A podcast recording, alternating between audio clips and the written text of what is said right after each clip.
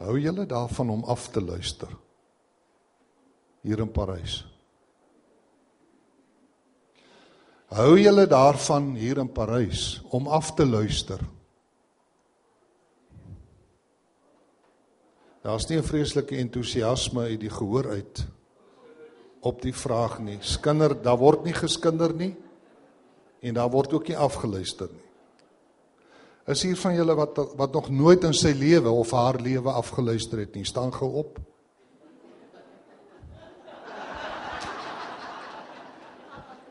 Ons het een dowe broer onder ons.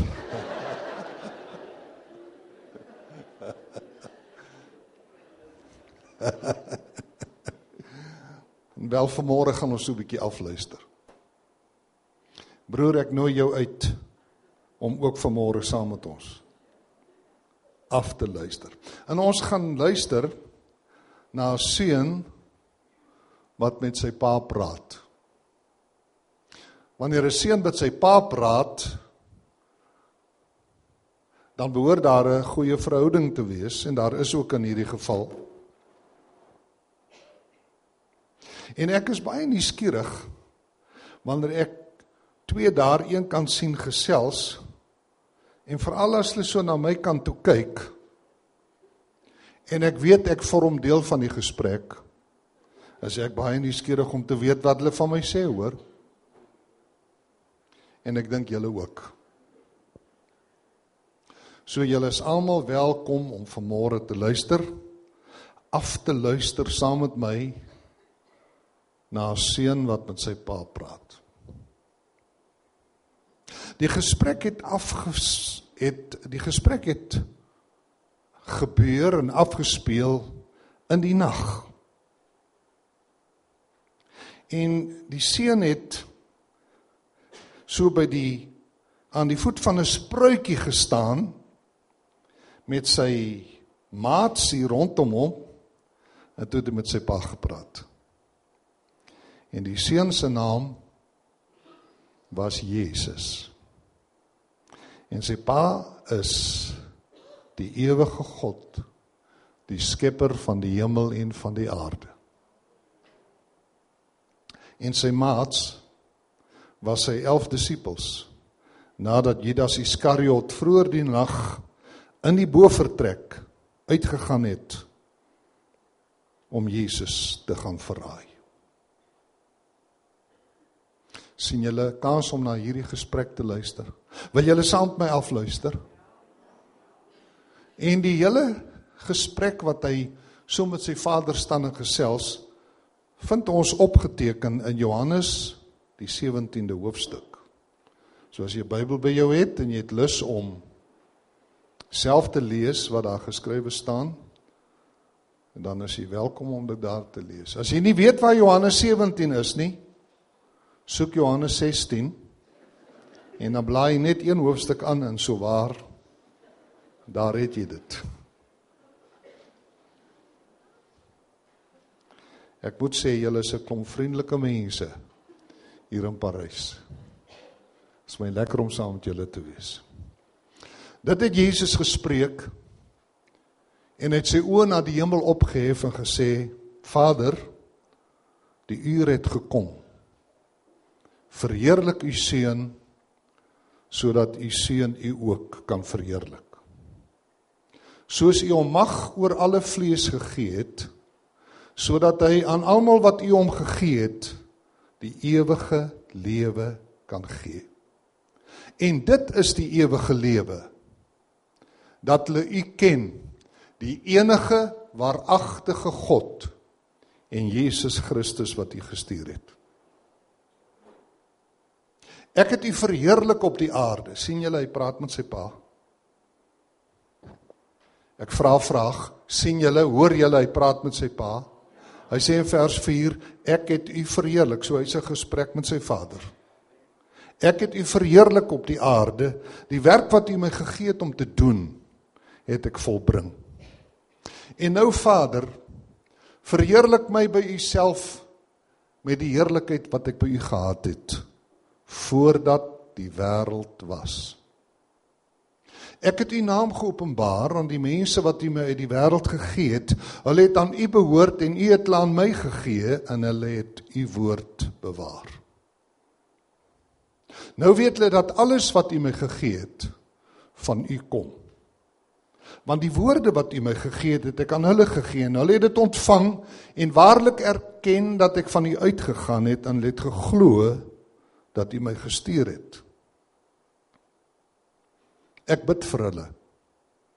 Ek bid nie vir die wêreld nie, maar vir die wat U my gegee het sodat hulle een kan wees net soos ons. En ek is nie meer in die wêreld nie, maar hulle is in die wêreld en ek kom na U toe.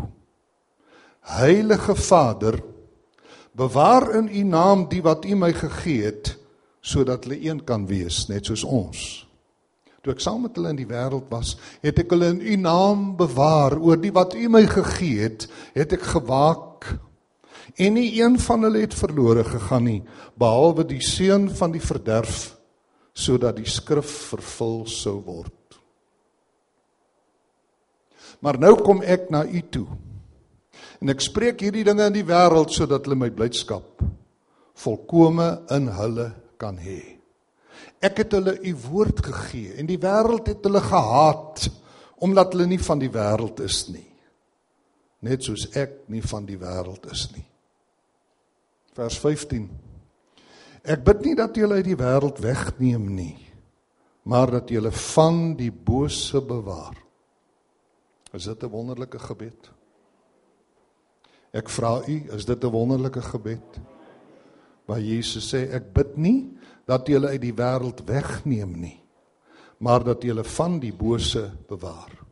Hulle is nie van die wêreld nie, net soos ek nie van die wêreld is nie. Heilig hulle in u waarheid. U woord is die waarheid. Soos U my gestuur het in die wêreld, het ek ook hulle in die wêreld gestuur en ek heilig myself vir hulle sodat hulle ook in waarheid geheilig kan wees. Maar ek bid nie vir hulle alleen nie. Maar ook vir die wat deur hulle woord in my sal glo.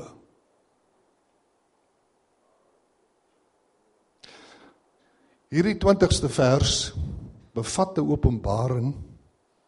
En die openbaring is dat daardie nag toe Jesus van die boefretrek afgekom het met sy 11 disippels en hy nog in die boefretrek Johannes 14 met hulle bespreek het of die inhoud daarvan met hulle deurgesels het. En hy nou afstap uit Jerusalem en hy hoofstuk 15 en 16 al lopende en al geselsende aan hulle uitlê en hy hier by die spruit Kedron kom 'n nietige ou klein riviertjie en hy vassteek en hy opkyk na die hemel en met sy Vader gesels maak hy in sy gebed melding van ons. Die Here Jesus noem jou naam daardie aand by die Kedron spruit. Kollektief ingesluit in hierdie woorde. Ek bid nie vir hulle alleen nie, vir hierdie el wat hier om staan, om my staan. Ek bid nie vir hulle alleen nie, maar ook vir die wat deur hulle woord in my sal glo. Ek sê Jesus het daardie aand aan jou gedink. Ek sê Jesus het daardie aand aan jou gedink. Al noem hy jou nie by die naam nie, is jou naam ingesluit in hierdie gebed. En is my naam ingesluit in hierdie gebed. 2000 jaar gelede het Jesus op die aarde by die spruit Kedron vir my gebid.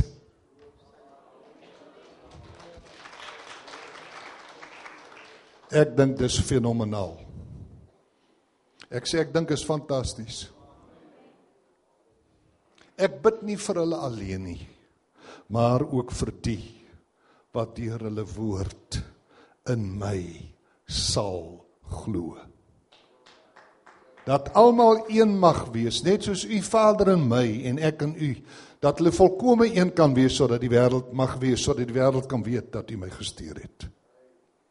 En ek het hulle die heerlikheid gegee wat U my gegee het sodat sodat hulle een kan wees net soos ons een is. Ek in hulle en U in my sodat hulle volkome een kan wees en dat die wêreld kan weet dat U my gestuur het en my liefgehad het net soos U hulle liefgehad het. Vader, ek wil dat waar ek is vers 24 hulle wat U my gegee het ook saam met my sal wees sodat hulle my heerlikheid kan aanskou omdat U my liefgehad het voor die grondlegging van die wêreld. Regverdige Vader, al het die wêreld U nie geken nie, tog het ek U geken. En hulle hier het erken dat U my gestuur het. Ek het U naam aan hulle bekend gemaak en sal dit bekend maak sodat die liefde waarmee U my liefgehad het in hulle kan wees en ek in hulle.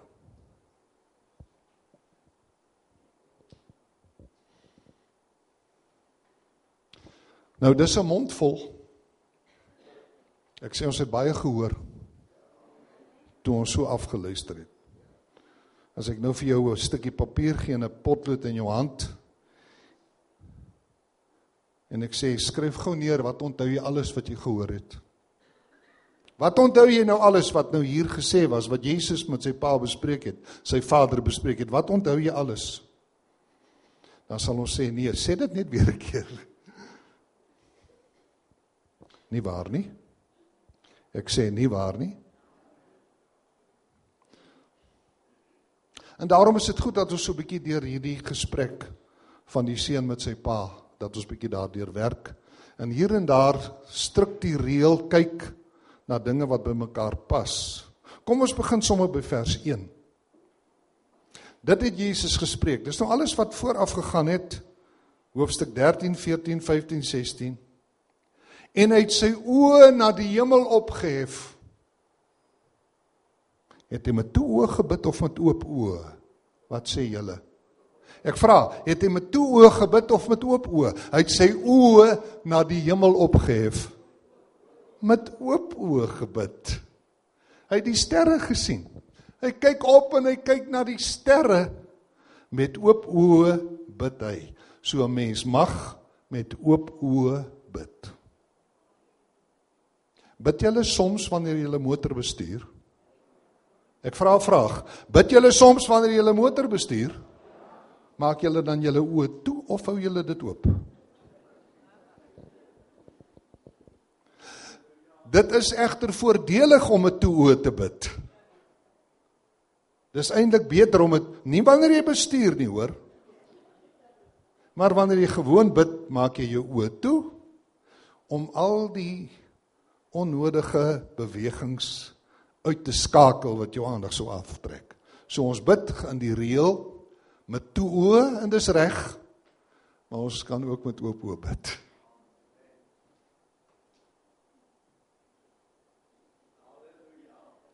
Nou die eerste ding wat my opval wanneer ek na Jesus se gebed luister, wanneer ek nou luister wanneer die seun met sy pa praat, is die manier waarop hy sy pa aanspreek. En dis vir my baie betekenisvol. Johannes 17 vers 1. Dit het Jesus gespreek en hy het sy oë na die hemel opgehef en gesê: Vader, die uur het gekom verheerlik u seun sodat u seun u ook kan verheerlik. Vader, Jesus leer my deur sy voorbeeld om wanneer ek bid te sê Vader. En ek dink die kerk is breedweg skuldig daaraan dat ons nie hierdie voorbeeld van Jesus volg nie. Ons sê baie dikwels en In die meerderheid van die gevalle en ek luister wanneer mense in die kerk bid, sê ons sommer net Here. En dan herhaal ons ook nogal die naam van die Here 'n klomp keer. Here, ons dankie Here dat ons hier by mekaar is, Here, en dat U Here ook saam met ons is. Het U dit al gehoor in gebed? Kom ons volg Jesus se voorbeeld. En ons sê Vader. Want die oomblik as jy sê Vader, dan is die verhouding vaderskap, seunskap, dogterskap by ons teen aanwesig. ook in sy onsse Vader gebed het hy dieselfde voorbeeld gegee. Jy wanneer jy bid gaan in jou binnekamer Matteus 6 vers 6 sluit jou deur en bid jou Vader wat in die verborgene is en jou Vader wat in die verborgene sien sal jou in die openbaar vergelde. En as jy bid gebruik nie 'n ydelle herhaling van woorde soos die heidene nie want hulle dink dat hulle deur hulle baie woorde verhoor sal word. Moet dan nie soos hulle word nie want julle Vader weet wat julle nodig het voordat julle hom vra. So moet julle dan bid. Onse Vader wat in die hemele is, laat u naam geheilig word. Laat u koninkryk kom. Laat u wil geskied ensovoorts. Onse Vader, dis wat Jesus sê. En in ons dag waar mense sê ons moet God op sy naam noem, ons moet sê Jahwe of ons moet sê Elohim, kom Jesus en hy sê sê Vader. Dit los vir my 'n groot probleem op. Ek sê dit los vir my 'n groot probleem op. Ek noem hom nie op een of ander, ek noem die skepper van die hemel en aarde. Wanneer ek bid en met hom gesels, noem ek nie op een of ander Hebreëse naam nie. Ek noem hom Vader. Hy is Abba Vader. Maar dit is ook interessant en opvallend dat Jesus hom nie net Vader noem nie, maar dat hy adjektiewe vooraan Vader voeg soos in vers 11 en in vers 25. Kyk gou in jou Bybel in vers 11. Moenie jou Bybel toemaak nie. As jy hom oopgemaak het of toegemaak het, maak hom nou weer oop. Vers 11 sê hy: Ek is nie meer in die wêreld nie, maar hulle is in die wêreld en ek kom na u toe. Heilige Vader, Bewaar in u naam die wat u my gegee het sodat hulle een kan wees net soos ons. Hier noem hy hom nie meer Vader nie, hier noem hy hom Heilige Vader. Het jy onlangs iemand gehoor wat so bid? Ek vra, het jy self onlangs so gebid? Het jy in jou gebed gesê Heilige Vader? Is dit nie 'n wonderlike voorbeeld nie? Stem julle saam? Gaan julle bietjie aanpas in julle gebedsvorms? Ek sê gaan julle in julle aanspreekvorm tot God 'n bietjie aanpas? Gaan julle begin om te sê Vader, die voorbeeld van Jesus waarna ons luister toe ons afgeluister het. En gaan ons sê Heilige Vader, want onmiddellik word die heiligheid van God by die saak betrek. En dis nie al wat hy sê nie. Kyk vers 25 sê hy regverdige Vader. Al het die wêreld U nie geken nie, tog het ek U geken en hulle hier het erken dat U my gestuur het. Het U onlangs iemand hoor bid en sê regverdige Vader? Mense hoor dit feitelik nooit. Ek self het 'n ander adjektief wat ek gebruik. Ek hou daarvan om te sê goeie Vader. Of soms sê ek almagtige Vader. Kom broer en suster, kom ons leer by dit wat ons afluister by Jesus. En kom ons doen so. Ons kan nie 'n fout maak nie. Ek sê ons kan nie 'n fout maak nie. As ons doen wat Jesus vir ons as voorbeeld gee, dan beweeg ons op die regte spoor. En dan kom hy en in die gebed praat hy bietjie oor homself en oor waar hy vandaan kom. So jy kan dit ook doen as jy met die Vader praat. Jy kan so bietjie oor jouself praat. Dis dit noem ek Jesus se geloofsbriewe, his credentials. Jesus speaks to the Father and he mentions his credentials. Nou wat is my geloofsbriewe? Waar kan ek vandaan kom? Nou my naam is Lemmer Du Plessis en ek is op Utsu gebore in Namibië, destyds Suidwes-Afrika en ek kan dus sê, Vader dis Lemmer wat praat daarvan Utsu af. Kyk, dan weet die Vader wie dit is wat praat, hoor? Alhoewel hy dit in elk geval weet. Maar dis wat Jesus doen. Of waar kom jy vandaan? Van Vredefort af? Is jy iemand wat van Vredefort af kom? Oh, Ja, so waar. En jou naam sê maar is Marie, ekskuus. Hoe? Elsa. Vader, dis Elsa van Vredefort wat praat. Waar noem Jesus hierdie geloofsbriewe? Waar sê hy vir die Vader waar hy vandaan kom? In vers 5 en in vers 24. Kyk in vers 5. En nou Vader, verheerlik my by U self met die heerlikheid wat ek by U gehad het voordat die wêreld was. So waar kom hy vandaan? Hy kom van die Vader af voordat die wêreld was. Hy's lank lank gelede was hy by die Vader voordat hy 'n mens geword het. Hy noem dus die plek en hy noem die tyd. Vader dis Lemmer wat in 1947 in Ootsu gebore is en wat nou hier in Parys preek wat met u gesels. Kan jy dan nie sien hoe intiem word die gesprek nie? Kan jy dan nie sien hoe persoonlik vra ek word die gesprek nie? Jy mag jou eie identiteit al is dit oorbodig mag jy met die Vader bespreek. Kyk wat sê in vers 24. Vader, ek wil dat waar ek is, hulle wat U my gegee het, ook saam met my sal wees. Hy wil hê ons moet hemel toe kom. Ek sê hy wil hê ons moet hemel toe gaan. Vader, ek wil dat waar ek is, hulle wat U my gegee het, ook saam met my sal wees, sodat hulle my heerlikheid kan aanskou omdat U my liefgehad het voor die grondlegging van die wêreld. Jesus kom nie van hier af nie. Ek sê Jesus kom nie van Bethlehem af nie. Al kom hy van Bethlehem af, kom hy nie van Bethlehem af nie. Hy kom van die Vader af. Micha 5 vers 1 en jy Bethlehem Efrata klein om te wees onder die geslagte van Juda. Uit jou sal daar vir my uitgaan een wat 'n heerser in Israel sal wees. En sy uitgange is uit die voortyd uit die dae van die ewigheid hy kom van ver af. Dis sy geloofsbrief En dan kom hy met 'n geloofsbelijdenis en dit kan jy gerus ook doen wanneer jy bid. Spreek 'n geloofsbelijdenis uit. Sê wat jy glo. Hy sê dit in vers 3. Kyk in vers 3. Vers 2 sê hy soos hy hom mag oor alle vlees gegee het sodat hy aan almal wat u hom gegee het die ewige lewe kan gee vers 3 en dit is die ewige lewe. Hier kom die geloofsbelijdenis. Dat hulle u ken, die enige waaragtige God en Jesus Christus wat u gestuur het. Dis 'n fantastiese geloofsbelijdenis. Wil jy weet of jy die ewige lewe het? Wil jy weet of jy die ewige lewe het? Wat sê vers 3? En dit is die ewige lewe dat hulle u ken.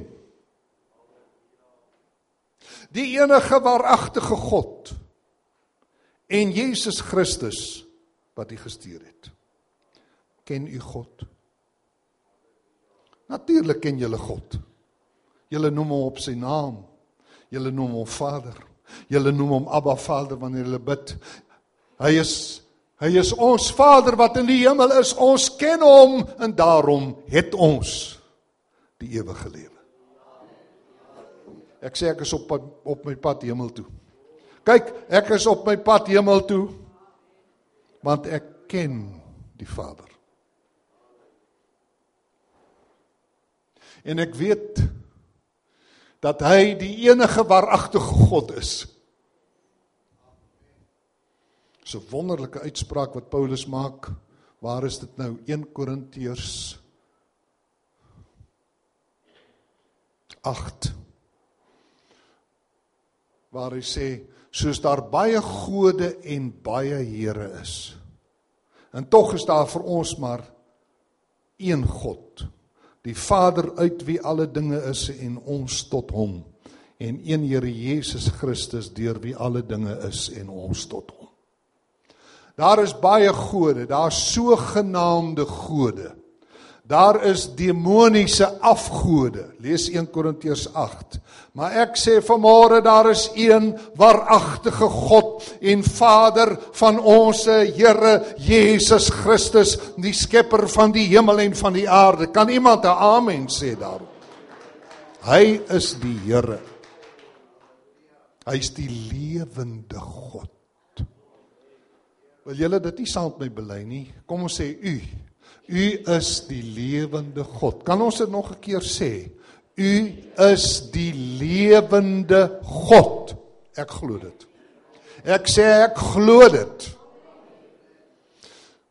En dan as jy nou deur hierdie gesprek werk, hierdie 26 versies deurlees, sien jy dat Jesus nie minder nie as 6 keer spesifiek gebid het. So 'n mens in jou gebeds aanbieding tot die Vader of in jou gesprek met die Vader praat jy oor verskillende goed. Jy praat oor jouself. Jy vertel vir waar jy vandaan kom, waar jy gewees het. Eenmaal was ek by 'n bidhuur en toe het oom Chol Moller gebid, 'n ou oom daar in Pretoria en uh hy sê toe ja, en Vader, soos hulle in Engels sê, toe kwoteer hy iets in Engels. Hy hoef vir die Vader te sê soos hulle in Engels sê nie, die Vader ken Engels. Nie waar nie? Maar hy bid, dit was my soos maar wat wat werklik interessant is is dat die ou man wat daar op sy knieë staan en hy bid in Vader soos hulle in Engels sê, besig was met 'n heerlike gesprek met God die Vader. Kyk, as jy so ver kom dat jy sê en soos hulle in Engels sê, dan dan rol jy dit los hoor. Ek sê dan wikkel jy hoor. Ses gebede. Die eerste gebed vind jy in vers 1. So as jy wil en jy maak notas, sit 'n enetjie vir vers 1. Dit het Jesus gespreek en hy het sy oë na die hemel opgehef en gesê: Vader, die uur het gekom. Verheerlik u seun.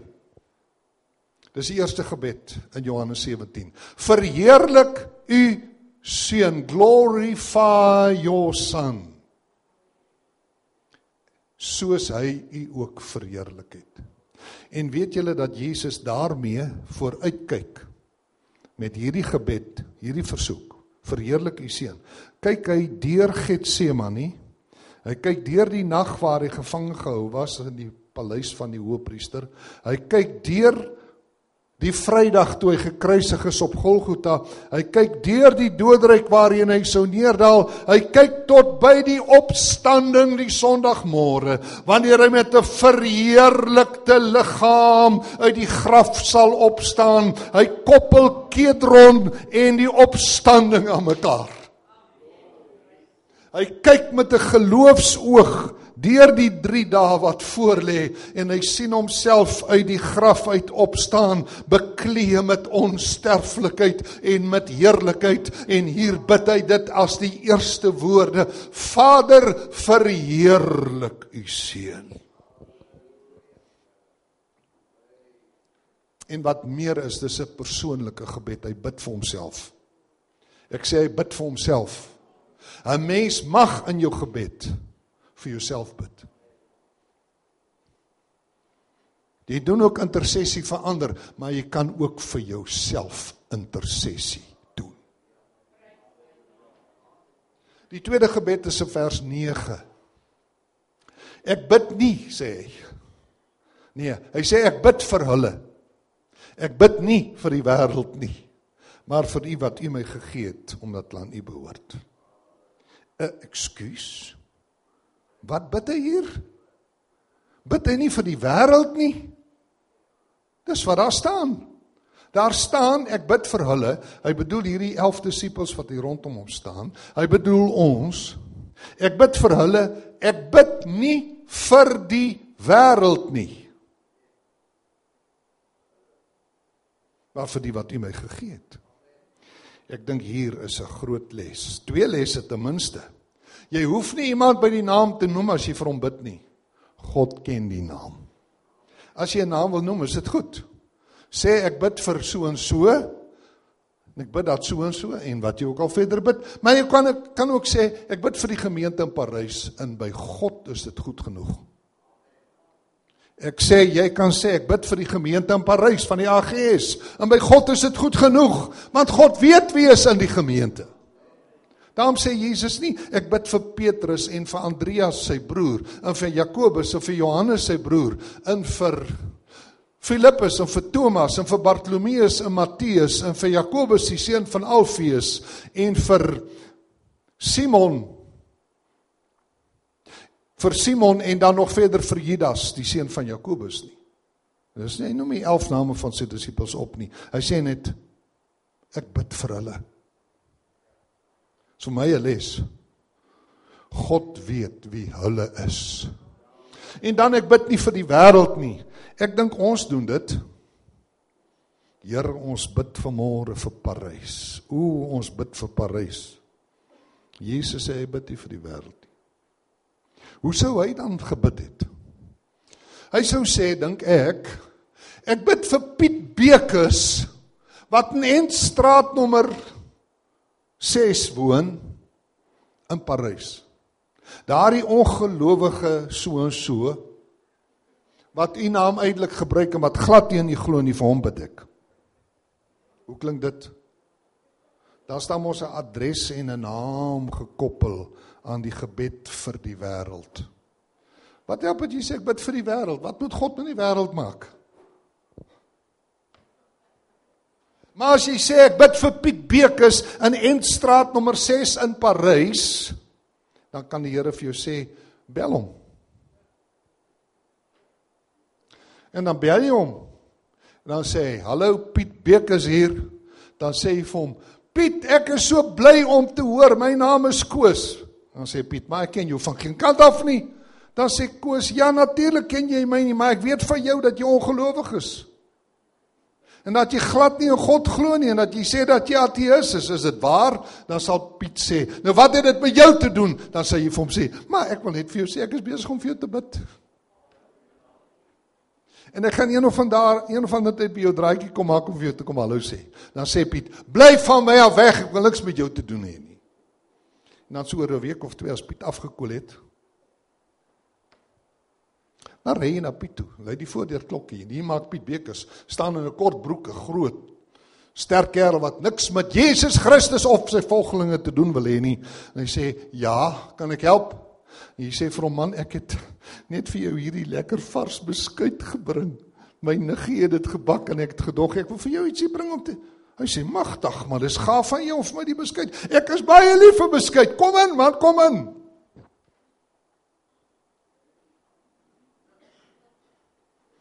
En wat verder gebeur het. En 6 maande later sit Piet Bekes in die kerk.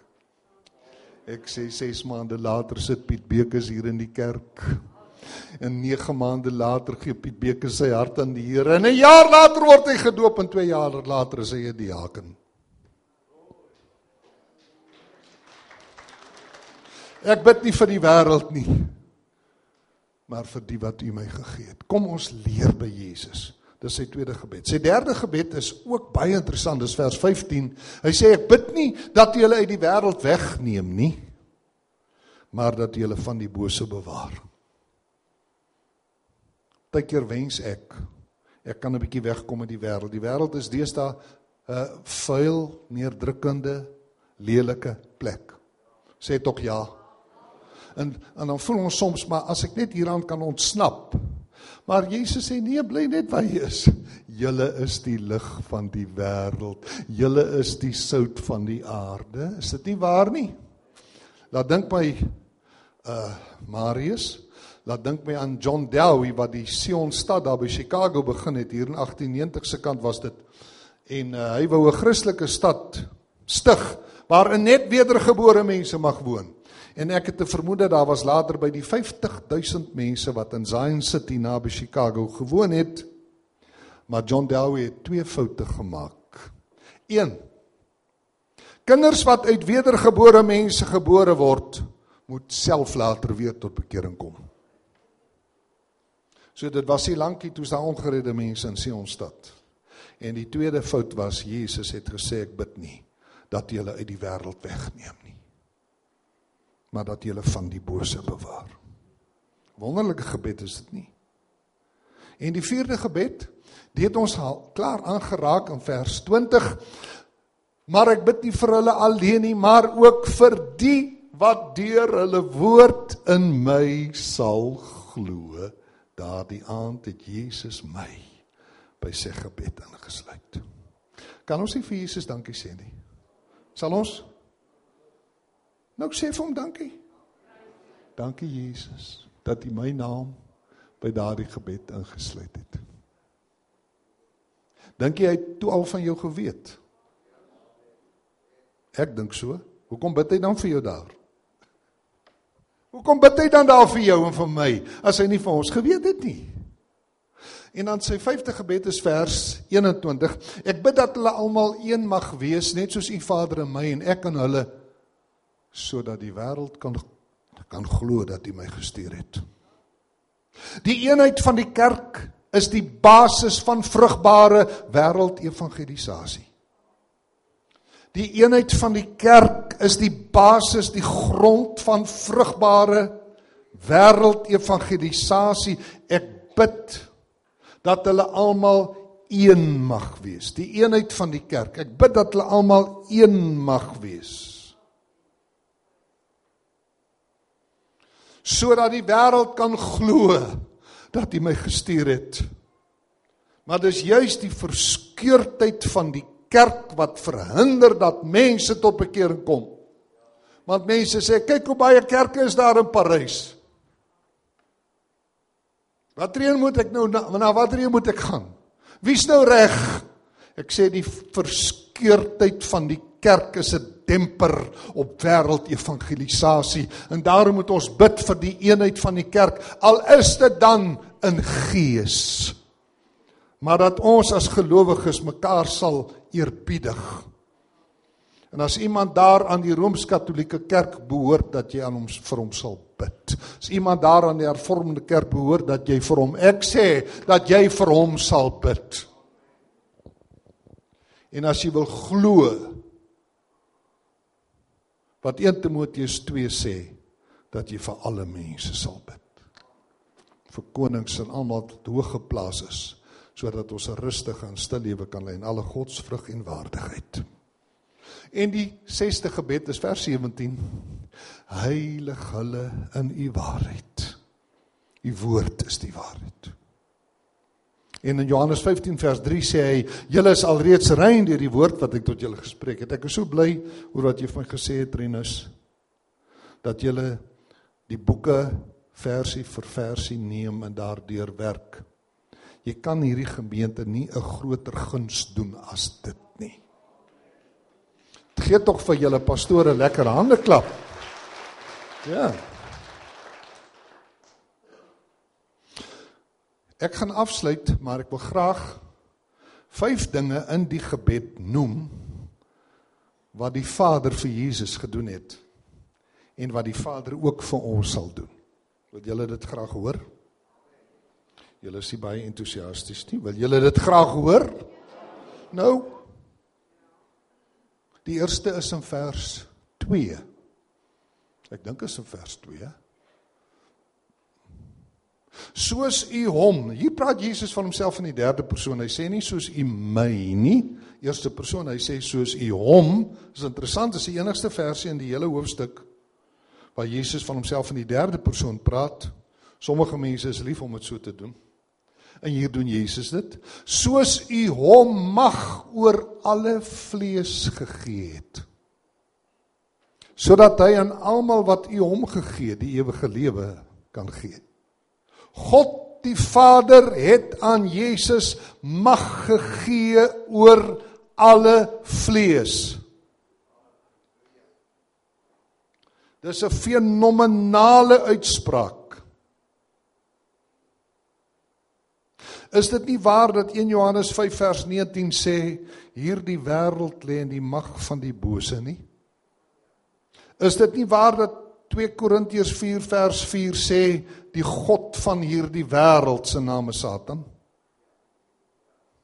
Is dit nie waar dat Jesus in Johannes 14 daarby vers 30 sê die owerste van hierdie wêreld kom en het aan my niks nie? Satan is die owerste van hierdie wêreld. Satan is die god van hierdie wêreld. 2 Korinte 4 vers 4. Hierdie hele wêreld lê in die mag van die bose. Watter reg het iemand anders om sy mense in hierdie wêreld in te stuur as hierdie wêreld in die mag van Satan lê? Het jy al daaroor gedink? Watter reg het God om ons in die wêreld in te stuur? Watter reg het ons om met ongeredde mense te praat? As die god van hierdie wêreld Satan is. Die Bybel sê, Jesus sê, soos u hom mag oor alle vlees gegee het. Jesus het die mag van die Vader ontvang om met enige en elke mens op hierdie aarde te gesels oor sy siel. En daarom het ons soortgelyke mag want vers 18 sê soos u my gestuur het, het ek hulle ook gestuur. En weet jy waarop is God se reg gebaseer? Op 'n uitspraak wat Psalm 24 sou maak. Die aarde behoort aan die Here en die volheid daarvan, die wêreld en die wat daarin woon, want hy het dit gegrond op die see en dit vasgestel op die strome. Al het Satan mag is dit gesteelde mag. Nie mag wat God aan hom gegee het nie. Wanneer hy op die berg vir Jesus versoek en vir Jesus sê nadat hy hom al die koninkryke van die wêreld in 'n oomblik se tyd gewys het, as u hier neerval en my aanbid, gee ek hierdie koninkryke alles vir u want dit is aan my oorgegee en ek gee dit vir wie ek wil. Hy het gelieg. Ek sê hy het gelieg. Wie het dit aan hom oorgegee? Hy het dit by Adam, die regmatige heerser van hierdie wêreld, gesteel.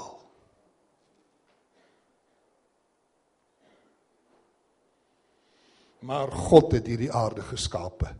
En God is die skepper van elke mens. Daarom het God die reg om jou en my in hierdie wêreld in te stuur. En al sou hierdie wêreld pastorinus ons verbied om in die naam van Jesus te spreek. En dit gebeur op aarde. Ek sê daar's plekke waar jy nie die naam van Jesus mag noem nie. En moenie moenie te on moenie te seker wees dat dit ook nie, nie ook by ons kan gebeur nie. Dat 'n regering 'n bevel kan 'n wet kan maak en sê julle gebruik nie weer die naam van Jesus nie. Julle kan praat van God as julle wil, want alle paaie lei na God. Maar Jesus van hom wil ons niks hoor nie. Wat gaan jy dan doen? Ek sê vanmôre vir jou in die naam van Jesus Christus, jy het mag van God ontvang om met elke mens op hierdie aarde te spreek. Dis nie te sê hulle sal luister nie. Dis nie te sê hulle sal jou met rus laat nie. Hulle mag jou in die tronk gooi daarvoor. Ek sê hulle mag jou in die tronk gooi soos die vroeë Christene om die lewe gebring is omdat hulle die koningskap van Jesus verkondig het. Maar ek sê vir julle vanmôre Jesus is die seun van die lewende God. En buite hom is daar geen saligheid nie want daar is ook geen ander naam onder die hemele aan die mense gegee waardeur ons gered moet word nie as die naam van Jesus Christus. Halleluja.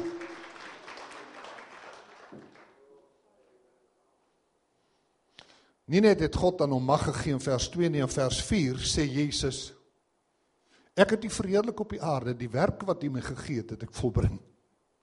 Jong, dis 'n lekker een daardie die werk wat U my gegee het. Nou daar sit pastorinus, God het vir hom werk gegee. Daar sit professor Marius, God het vir hom werk gegee.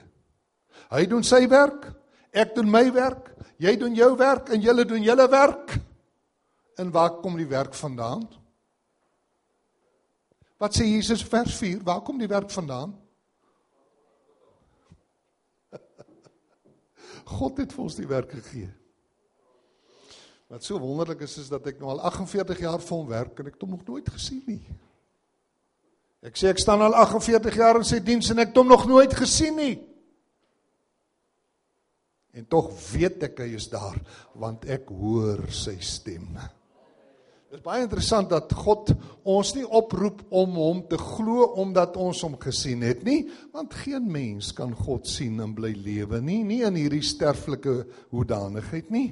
Maar ons kan sy stem hoor want die geloof is uit die gehoor en die gehoor is deur die woord van God.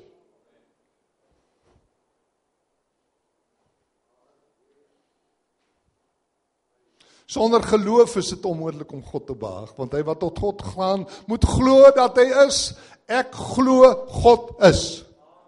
En ek glo God is 'n beloner van die wat hom soek. As ek by die huis kom en Helen se karretjie staan daar en ek stap in in die kombuis of sitkamer, maar ek sien nie my vrou nie, dan roep ek, "Pop!" Dan kom die stem uit die badkamer of uit die slaapkamer. "Hier is ek." Dan weet ek sy is daar al het ek haar nie gesien nie. Ek sê ek het God nog nooit gesien nie, maar ek weet hy is daar want ek hoor sy stem.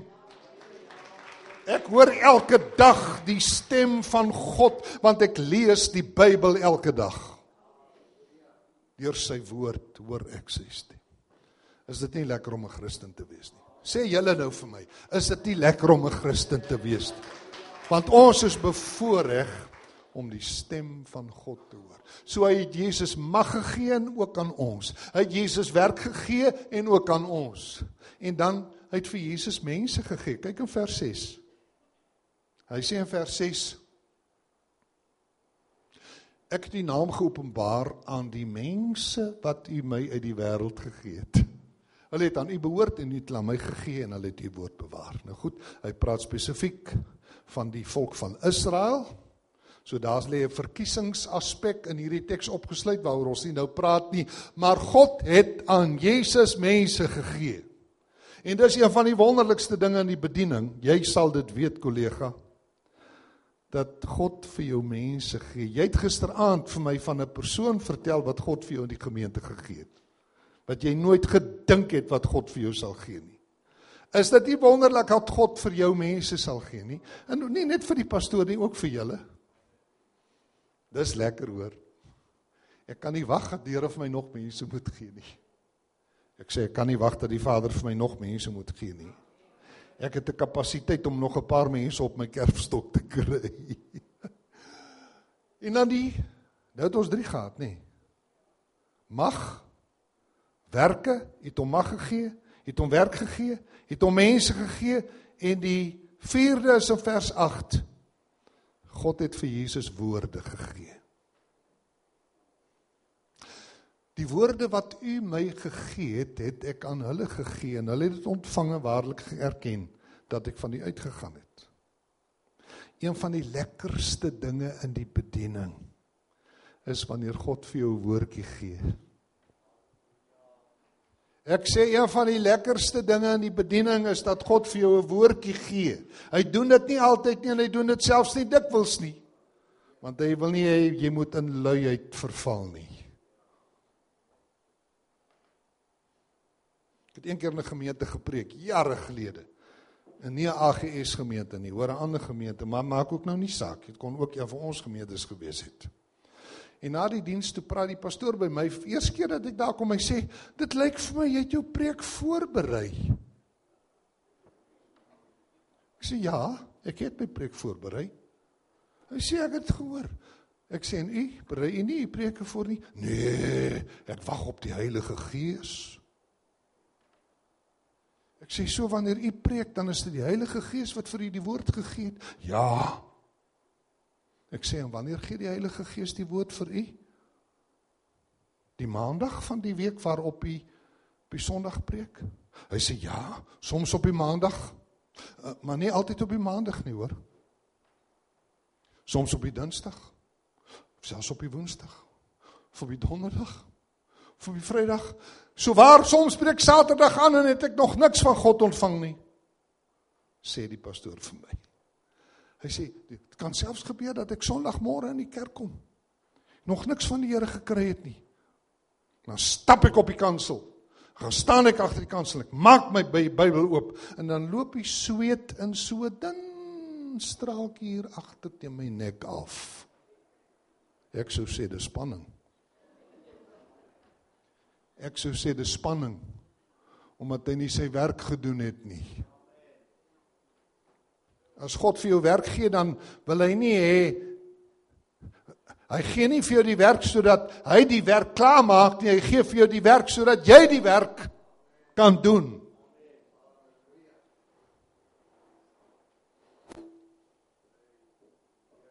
Maar hy sê die woorde wat hy my gegee het. So soms bederf hy ons 'n bietjie, jy kan opkom. Soms, ek sê, soms bederf God ons so 'n bietjie en dan praat hy met ons deur sy gees. Deur sy woord altyd, Trinus, deur sy woord praat hy altyd met ons. Maar soms praat hy met ons deur sy gees en dan gee hy vir ons 'n woordjie. En dan kan jy dit maar aflewer. Die seën van die Here sal daarop rus.